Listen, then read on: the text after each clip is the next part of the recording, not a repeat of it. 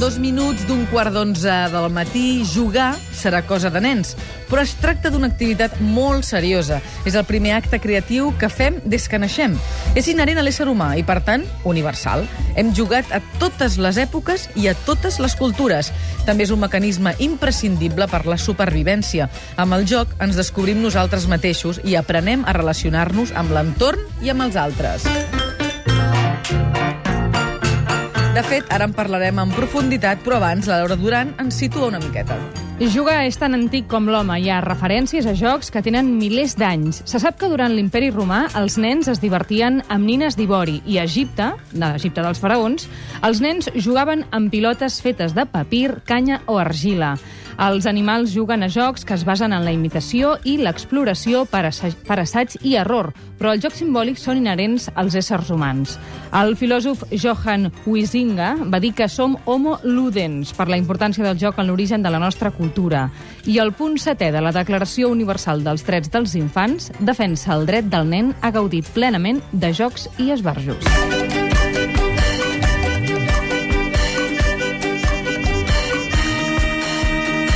Avui al suplement vitamínic volem animar-vos a jugar més. Per això hem convidat l'Elisabet Bertrina, que és cap del Departament de Jocs de la Fundació Pere Tarrés. Elisabet, bon dia i benvinguda al suplement. Hola, bon dia. Com estàs? Bé, bé, molt bé. Ja has jugat aquest matí o no? Sí, i tant. Una estona? I tant, sí, amb sí. algun dels teus tres fills, no? He jugat a cuinetes, hem jugat a fer puzzles, ens hem pentinat tots plegats. i Imagina't. Bé, bé, molt distret. Qualsevol moment és bo, no?, per inventar un joc. Sí, el que passa que jo crec que no hem d'oblidar el fet de jugar amb el fet de fer el quotidià, eh, el dia a dia. O sigui, uh -huh. els nens han de tenir la seva hora per dinar, la seva hora per, per vestir-se, i evidentment hem de trobar les estones per poder jugar amb ells. Però això vols dir que la gent que aprofita l'hora de dinar amb el nen per jugar, perquè mengi, per exemple, és una mala tècnica? Segons el jo, teu parer? Jo crec que menjar és menjar, és una necessitat i aleshores no, no ho hem de confondre amb el fet de jugar. Això no vol dir que algun dia ho fem, eh? perquè hi ha dinars que costen una miqueta més i no tot ens agrada, aleshores a mi em semblaria bé, uh -huh. però només de manera puntual. Eh? Molt bé. Donem un telèfon al 93 201 7474 i un correu electrònic a suplement arroba catradio.cat per si algun dels nostres oients volguessin fer alguna consulta o alguna observació sobre el tema dels jocs i els nens principalment, però ja et dic ara que també parlarem una miqueta dels adults, perquè penso que no hem de perdre mai aquest instint de jugar. No, no. I evidentment jo crec que no només hem de jugar als adults, sinó que hem de tenir molt en compte els avis, eh? Els avis com aquelles persones que transmeten valors no només als seus fills, sinó també als nets. Uh -huh. Que a vegades els avis els tenim una miqueta abandonats i només els utilitzem per portar els nens a l'escola, perquè ens els cuidin quan estan malalts, quan realment ells en saben molts de jocs, ens els poden transmetre i podem passar una bona estona amb ells tenen molta paciència i tenen, tenen qualitats molt positives que podem aprofitar dels avis. Explica'ns per què és important que un nen jugui.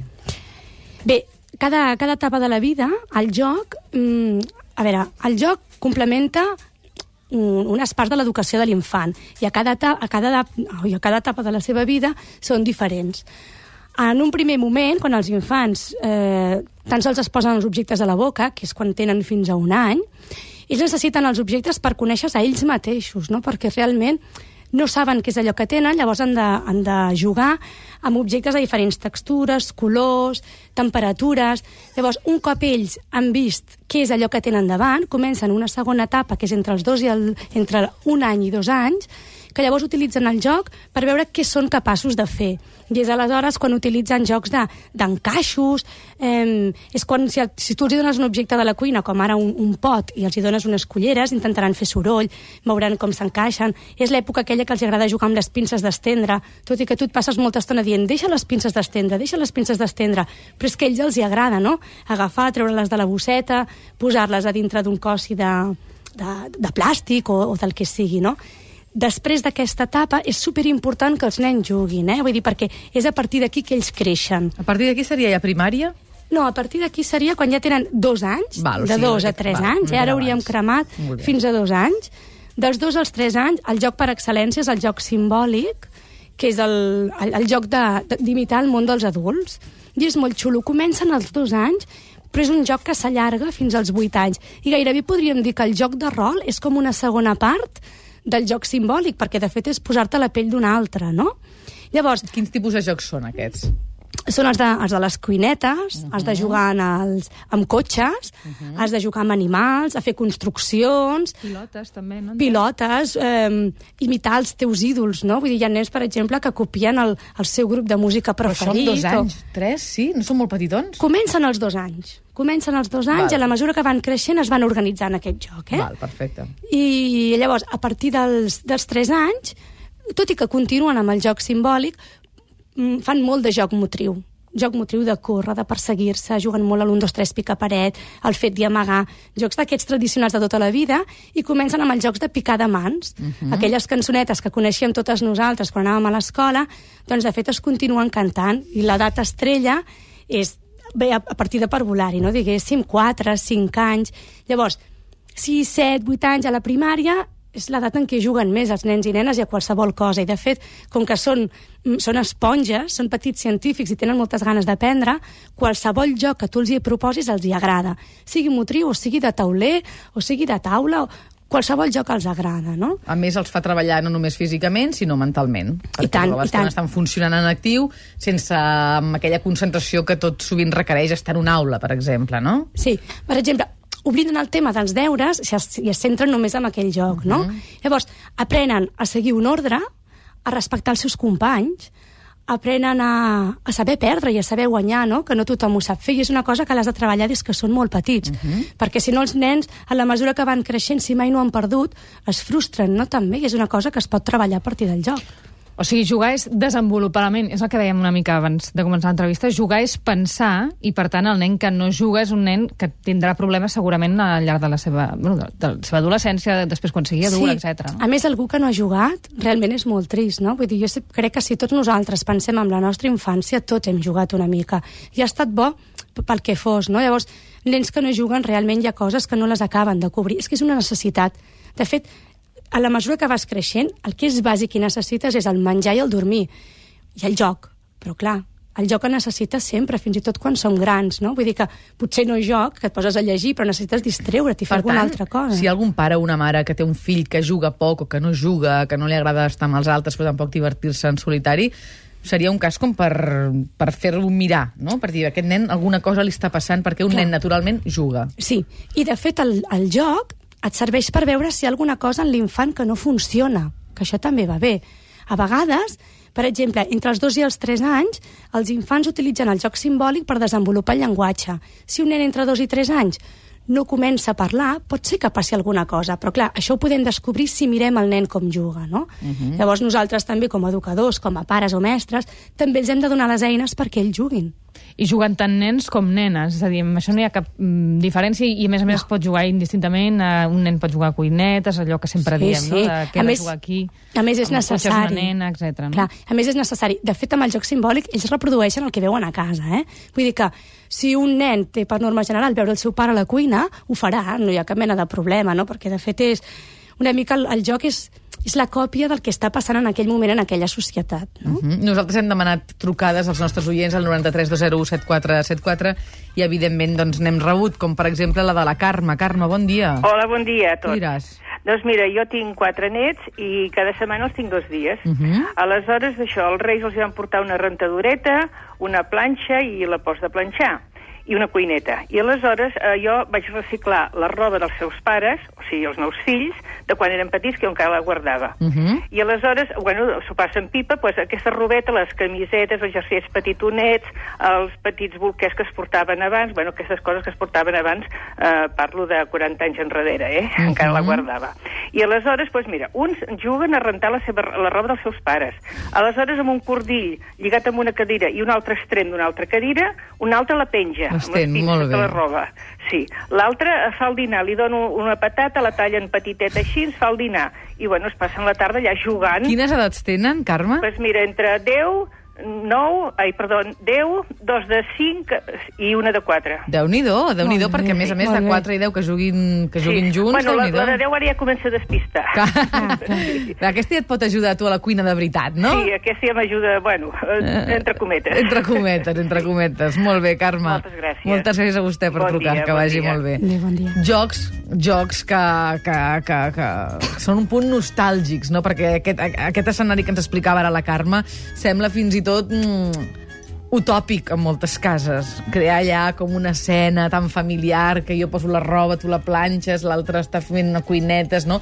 molt sovint, més del que potser ens agradaria o més del que es diu, doncs els nens estan mirant la tele massa hores, estan jugant a videojocs, estan sols, no surten al carrer com sortien abans. Clar, de fet, a vegades el que passa és que com que els temps estan canviant, la, les famílies treballen moltes hores, ens passem moltes hores fora de casa. Aleshores, jo crec que el que seria interessant és que les estones que estàs a casa les hi dediquis en els nanos, uh -huh. siguin petits, siguin, gra siguin joves o siguin adolescents, vull dir, això és igual, no?, l'edat, però cal que hi siguem allà, i cal que trobem el moment per poder estar amb ells. És cert que tu quan arribes a casa tens moltes obligacions, però no has d'oblidar que allà tens aquell nen que tu has volgut, i com que l'has volgut, bé, li has de dedicar una estona, i la millor estona per estar-te amb ell és jugar no vol dir que el que ell vulgui jugar a tu t'agradi en aquell moment perquè a vegades és un pal. Vull dir, jo...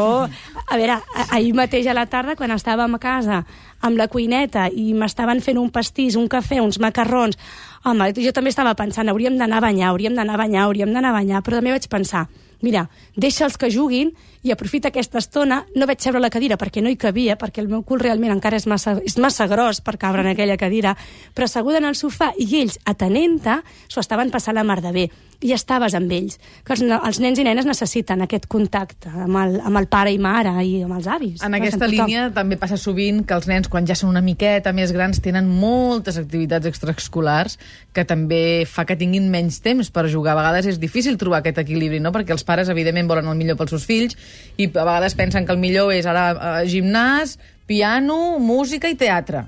I aleshores arriba a casa baldat i no hi ha temps per jugar. Clar. Jo crec que llavors aquí totes les famílies som diferents i cadascú ha de prioritzar què és el que vol amb els seus fills, no? Mm, qualsevol cosa no... Tot està bé, tot està bé, eh? Tot hi té cabuda. El que passa que realment jugar potser entre setmana no ho pots fer, però busca el moment del cap de setmana, després de dinar, en comptes d'estirar-te de, davant de la tele i veure què és el que estan fent o, o, o, o passar-te tots el, el, els, els anuncis que fan per la tele, no? Vull dir, troba l'estona per jugar amb ell. Potser seran 10 minuts, potser seran 20 minuts, però aquells 20 minuts seran intensos, interessants de veritat. I pot ser una partida de cartes, pot ser un, un conte cantat, vull dir, jugar pot ser qualsevol cosa, no? Però també és important que aprenguin a jugar sols. Evidentment, evidentment. No estiguis tot el dia pendent tu dels No, no, nens no. I, i fins i tot eh, que no sempre hagin de jugar amb altres nens, sinó que ell sàpiga aprendre a jugar sol, a distreure sol i a caminar una mica sol, també. No, no, és bàsic, és bàsic que un nen jugui sol, eh? Bàsic. Perquè si no li crees la dependència a l'adult, i això tampoc no és bo per ell, no? No, no s'està desenvolupant a tots els nivells, ell. Llavors, és molt inter... primer, és molt important que el nen jugui sol. Llavors, està bé que de tant en tant reclami a l'adult per poder jugar, però també és important que ell tingui el seu espai com el necessitem nosaltres, no? I nosaltres podem jugar amb ell, intervenir-hi, però sense llançar-nos al damunt del nen quan està jugant, perquè li estàs trepitjant el seu espai, això tampoc no és bo. I com hem de jugar els adults? És a dir, com juguem nosaltres? Jo, jo eh, confesso, el meu joc és el Tetris. O sigui, jo jugo al Tetris. No, però el Tetris jugues tu sola, doncs. Sí, jugo al Tetris sola. Bueno, Doncs, no sé. però busca un altre joc, busca un altre joc on realment podeu jugar dues persones Jo és o que tres. tinc poc temps lliure, Clar. perquè la Tatiana em fa treballar molt, Tom ho sap, i aleshores m'he descarregat, m'he descarregat de l'iPhone el, el, el Tetris. I de, és veritat que estic una mica enganxada, fins i tot et diré, eh? però tinc poc temps. feina tinc poc al temps, Tetris, tinc poc no. temps. I aleshores penso, doncs aquest és el meu joc, però aquest no és un joc sa, eh? està clar, no? Bueno, per què no? Perquè no? Una, una estoneta de si jugar al Tetris no fa mal a ningú. Estàs en una sala d'espera, en Oh. lloc d'agafar una revista del cor, que està molt bé també, Oh. pots triar per jugar al Tetris. És el I tant, moment. i tant. El que, està clar, el que és clar és que l'adult també ha de continuar jugant. Sí. Sí. Ja sigui amb Tetris, ja sigui un joc sobre taula després d'un sopar, o ja sigui un dia sortint a, no sé, a fer alguna cosa al bosc, a- no sé. Llegir també has dit que podia ser jugar, no? Clar, és que quan els nens són molt petits, el llegir, cantar eh, i jugar tot és el mateix. Tot hi té Però cabuda, per no? l'adult també seria un... No, jo crec que per l'adult és una altra cosa. Val, eh? Jugar jocs una- d'adult... No, n'hi ha molts. N'hi ha molts de jocs d'adult, eh? Jocs de taula i de tauler, i si en vols fer de físics i motrius també, eh? No hi ha cap mena de problema. El que passa que és cert que vas creixent i et fa molta mandra posar-te a córrer. Clar. Dius, ui, no, no, quin pal, jo ara un El de joc del tauler. mocador, quina mandra, córrer Sí, darrere del la corda, el sac... i tot aquella A veure, que ho pots fer, eh? Un dia on hi hagi una trobada de famílies i hagis d'estar amb més gent i així, evidentment, que és interessant que hi participis, que si els nens veuen, doncs de fet, tu ets un model a seguir, no? Ja, Depèn clar. de com juguis tu, jugaran ells després, no? Si ets Però molt estem d'acord que no tenim la mateixa energia, eh? No, no, no, Per no, tant, ni molt menys, vull dir, que només no, faltaria, no? No, però ara sí que hi ha més jocs i són jocs que funcionen a través del televisor i de, i de les consoles, que tampoc Sí. també tenen el seu vessant positiu, eh? I I, és que, per exemple, doncs, pots jugar al, al que coneixeríem com un trivial o un joc de sobretaula més interactiu, amb més moviment, a través de, a través de la televisió, no? i això Ah. també funciona. Sí, sí, i jocs d'aquells, a veure, jo per exemple sóc molt dolenta eh, amb els jocs d'ordinador i així, però hi ha, el, hi ha un joc que, és, que es tracta de cantar, és un concurs de, un concurs de cançons, no? SingStar. O la Wii, la Wii fa, ha fet un gran, un gran bé, no?, per, pels adults. Per Perquè, les clar, famílies, en general. Famílies, els o adults. grups exacte. d'amics, també, no? Exacte. Home, el, el que era el joc abans, el, el, les noves tecnologies eren sedentàries, ha passat ara a, això a no ser així, no? Vull dir, fas que els nens es belluguin i... Mhm. Aquí el que és important és que petits, mitjans o grans mai perdem les ganes de jugar perquè és sa, és I divertit. tant, i tant. I a vegades s'han de fer coses divertides només pel plaer de fer-les. Estem senyor. d'acord? Sí, sí, sí. sí. Doncs ens ha agradat molt tenir-te amb nosaltres, Elisabet Bertrina, cap del Departament de Jocs de la Fundació Pere Tarrés. T'esperem qualsevol dia que et vingui de gust passar-te pel suplement. Moltes gràcies a vosaltres. Adéu, bé, bon dia. adéu-siau. Adéu.